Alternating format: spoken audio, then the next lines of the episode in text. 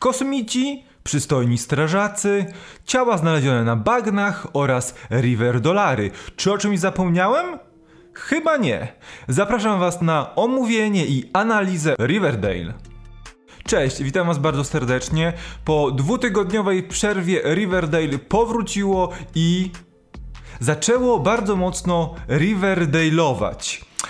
Przejdziemy sobie za momencik do wszystkiego tego, co wydarzyło się w tym odcinku, ale na początek był to epizod troszeczkę inny niż wszystkie dotychczasowe w tym sezonie. Był to epizod troszeczkę bardziej dojrzały, trochę bardziej skupiony na sprawach obyczajowych, bo nie było w tym odcinku zatytułowanym rozdział 83 Światło z nieba żadnych scen romantycznych, żadnych scen intymnych. Do czego to zmierza? Czy w tę stronę podąża serial?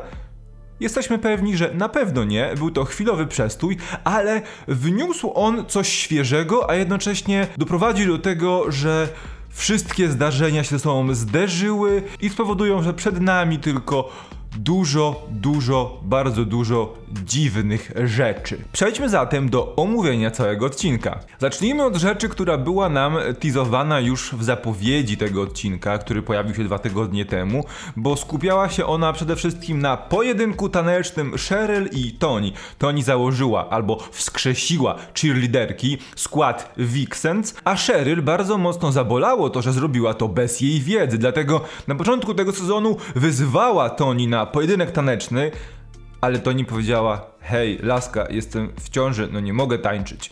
I rywalizowała z jedną z dziewczyn z jej składu. No i tak się zastanawiałem, ej, no bo Cheryl przyszła do Riverdale High po to, żeby stoczyć pojedynek taneczny w obecności samych dziewczyn z Vixens, które są lojalne Toni. I one miały zdecydować o tym, kto ten pojedynek wygra. Więc czy ona myślała, że ma jakiekolwiek szanse w przejęciu kontroli nad składem? Nie wiem. E, w każdym razie dziewczyny, a właściwie panie, doszły do wniosku, że będą współdzielić obowiązki trenerki e, Vixens. No i na moment ten wątek został zatopiony w odmętach tego wszystkiego, co się wydarzyło. Archiemu ciągle mało jest eks-żołnierzem, który prowadzi program wojskowy w szkole, nauczycielem, trenerem drużyny futbolu amerykańskiego, skrzesił przecież bulldogi, a teraz jeszcze strażakiem, który próbuje odbudować ochotniczą straż pożarną w Riverdale. Ale dlaczego w ogóle podjął się tego wyzwania? No bo w poprzednim odcinku widzieliśmy, że ktoś podpalił jego dom. No i co z tym pożarem? No właśnie, bardzo szybko został on zamieciony pod dywan, albo zgaszony i zamieciony pod dywan, e, bo nie widzimy tak naprawdę, co się wydarzyło. Jacket tylko nam opowiada, że no, tu była gaśnica, tu była gaśnica, więc wszystko udało się bardzo szybko ugasić. Ale Archie ma nowy plan. I w mieście, wiedzieliśmy, że tak będzie, pojawił się przyjaciel z wojska Archiego, czyli Eric Jackson, który prawdopodobnie zostanie najdłużej w Riverdale. E, no i z nim związana jest bardzo ciekawa historia, albo inaczej. Z nim związany jest bardzo poważny problem, z którym borykają się weterani wojenni, a przede wszystkim weterani w Stanach Zjednoczonych. Wracając e, z wojny do domu bardzo często zostają pozostawieni sami sobie. Nie mają wsparcia, aby przystosować się na nowo do życia cywilnego i poradzić sobie z traumą i tego, że musieli widzieć, jak ich przyjaciele, jak ich kamraci giną. To jest bardzo smutny problem i dość odważny temat, jaki porusza Riverdale. Bo wiecie, okej, okay, my tu wielokrotnie mieliśmy morderstwa, e, napastowania, odłużanie alkoholem, gangi itd., tak itd., tak ale nigdy nie mieliśmy tematów, które faktycznie mają znaczenie w kontekście prawdziwego życia które byłyby potraktowane w sposób bardzo poważny. Jestem ciekawy, co z Jacksonem się wydarzy, bo został w Riverdale i razem z Archiem będzie tworzył jednostkę Straży Pożarnej. Weronika. Hmm, nasza Roni. No właśnie. Nauczycielka ekonomii w szkole średniej postanawia stworzyć lokalną walutę River Dolary, która ma posłużyć do zbustowania i uruchomienia na nowo lokalnej ekonomii. Waluta ma pokrycie w pieniądzach, które uzyskała po sprzedaży klejnotów i wpompowała na powrót te pieniądze w lokalną gospodarkę. Ale, ale, bardzo szybko okazuje się, że ucząc dzieciaki ekonomii, ktoś w ogóle spodziewał się tego, że Riverdale będzie uczyło nas czym jest inflacja, można dojść do wniosku, że nie warto ufać tym dzieciakom w drukowaniu tych pieniędzy, bo zawsze znajdą sposób, żeby uszczknąć coś dla siebie. I ich czyny mogą załamać całą lokalną ekonomię. Za karę tego, że uczniowie dodrukowali 10 tysięcy river dolarów, mają odpracować to sprzątając miasto. Child's labor, so fun. Weronika tak naprawdę stoi w miejscu i tylko co chwilę widzimy jakieś kroki, które e, czyni w stronę Archiego. Tak jak na przykład w tym odcinku, oddając do dyspozycji vintage'owy wóz strażacki Archiemu i jego kompanom, mówiąc, że ja sobie to odbiję, robiąc kalendarz z nagimi, przystojnymi strażakami. I na tym właśnie polega cała jej egzystencja w tym piątym sezonie serialu. W ogóle Hiram. Hiram staje się coraz większą karykaturą antagonisty w serialach tego typu. Brakuje mu chyba jeszcze tylko wielkiego sygnetu na palcu, a może w sumie już ma taki, i kota, którego głaskałby za każdym razem, kiedy wygłasza swoje złowieszcze plany na przyszłość. Coraz bardziej przypomina on takiego karykaturalnego złola z filmów o Jamesie Bondzie z lat 60. Betty cały czas poszukuje swojej siostry. Poli zniknęła i nie wiadomo co się z nią stało. Znaleziono tylko jej telefon na bagnach, no i pewne ciało. Bardzo szybko okazuje się, że jednak nie jest to ciało Poli, a zupełnie innej dziewczyny, która zaginęła lata temu. Później mamy kolejne ciało, mamy informacje o kolejnych ciałach, mamy kolejne ciała, mamy informacje o kolejnych ciałach. Zapętlam się, prawda? No właśnie, tak samo jak ten wątek. Cały czas wydaje mi się, że na jakimś etapie tego sezonu połączy się on z wątkiem Jackheada, ale teraz wszystko wskazuje na to, że ktoś poluje na młode kobiety. Tylko, czy jest to ktoś związany z trackerami i Lonely Highway, która, na której porywane są kobiety, czy może jest to jakiś seryjny morderca? Jeszcze tego nie wiemy. I Fantastyczna była scena, w której Betty dzwoni do Glena z FBI, prosząc o wsparcie, bo ma podejrzenia, że coś złego dzieje się w Riverdale, a gdy tylko usłyszała, że Trashback Killer powrócił i grasuje w Tulsie w Oklahomie, to stwierdza, że wiesz co, nie, to ty się zajmij tym, ty się nim zajmij, żebyś, żebyś mógł się nim zająć, nie, nie, nie przejmuj się mną, ja sobie jakoś poradzę.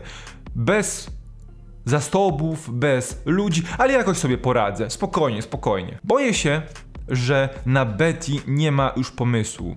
Postanowiono, że jej postać rozwiniemy w tę stronę. Będzie agentką FBI albo prawie agentką FBI, będzie pracować nad rozwiązaniem zagadek, ale jednocześnie zatrzyma się w rozwoju, bo będzie skupiała się głównie na pracy zawodowej. No i nie przeszkadzało mi to jeszcze kilka odcinków temu, bo myślałem, że faktycznie będzie to ciekawy wątek. Tak teraz boję się, że tak samo jak w przypadku Weroniki, ta postać zostanie bardzo mocno zamknięta w tych stereotypach charakterologicznych, z których już ją poznaliśmy. Ciągle jednak twierdzę, że moją ulubioną postacią w piątym sezonie Riverdale jest Jackhead.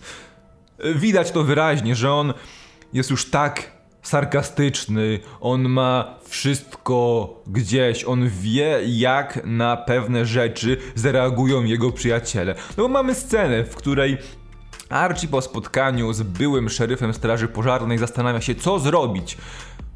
Przychodzi do niego Jackhead, nalewa mu kawę, czy tam podaje mu jakieś jedzenie i mówi: No cóż, w takim razie ty się będziesz musiał tym zająć, prawda?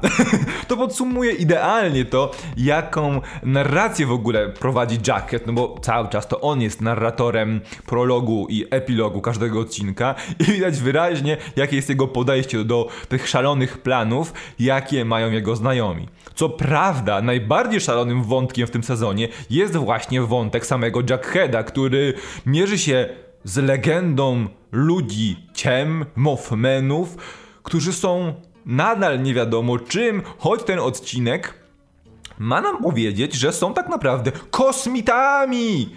Aczkolwiek, no właśnie, są kosmitami, czy może są jakąś tajną organizacją rządową, która prowadziła przez lata w pobliżu Riverdale jakieś eksperymenty na ludziach związane na przykład z promieniowaniem radioaktywnym. Świetnie przekładałoby się na to, jak wyglądają ci Mothmeni, dlaczego te ciała wyglądają jak wyglądają, a jednocześnie próbują cały czas zatuszować te wszystkie swoje działania, wymyślając na przykład teorie związane z kosmitami. Ja ciągle kieruję się w tę stronę, co w swojej wypowiedzi potwierdził też Pupdate, który pojawi się w tym odcinku. Najlepsze było to, że to był trochę taki omarz w stronę całej tej kultury e, kinematografii związanej z kosmitami, no bo ona była niezwykle popularna w latach 50. i 60., no bo Roswell i te sprawy, e, a przecież Całe Riverdale ma bardzo vintage'owy klimat. Cały Pop Tate e, Chocolate Shop jest bardzo retro i to jak e, wyglądała od strony kinematograficznej, ta strona tego światła z nieba, kolorów, tych drgań i tak dalej, i tak było bardzo mocnym nawiązaniem właśnie do tego rodzaju filmów, które no, miały swój okres w kinie amerykańskim, w którym były bardzo popularne. I to puszczenie oczkiem mi się bardzo podobało. Aczkolwiek nikt chyba nie ma wątpliwości, że no nie będą to kosmici. Aczkolwiek z tymi wszystkimi mordercami, z tymi wszystkimi kultami pozyskującymi organy, z Hiramem, który buduje sobie miasto, zamykając jedno miasto, w sumie nie byłoby to nic dziwnego.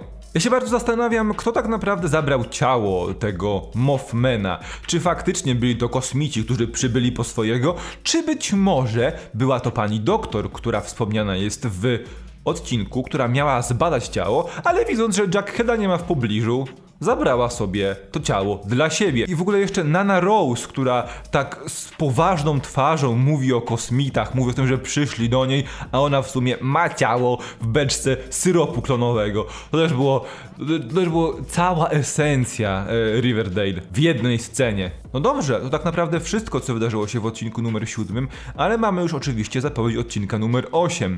Będzie to Battle Episode, czyli odcinek zamknięty w wąskiej przestrzeni po to, aby ciąć koszty. W tym odcinku Cheryl zaprosi wszystkich swoich przyjaciół do Thornhill na imprezę, podczas której będą mogli spełnić swoje najskrytsze pragnienia. Wszystko pewnie jest związane z tym, że spisek Cheryl i Nanny Rose wyszedł na jaw i pani, która zajęła się dziełami sztuki rodziny Blossomów, zorientowała się, że są to falsyfikaty i chce uczknąć coś dla siebie. Zapowiedź wygląda fajnie, bo jest takim trochę może kryminałem w zamkniętym pomieszczeniu, trochę może jakimś hedonistycznym przyjęciem. Zobaczymy, co się wydarzy. Ja oczywiście nie mam wielkich oczekiwań, szczególnie, że wygląda na to, że to będzie tylko jeden wątek, w obrębie którego będą zawiązywane jakieś drobne elementy na przyszłość.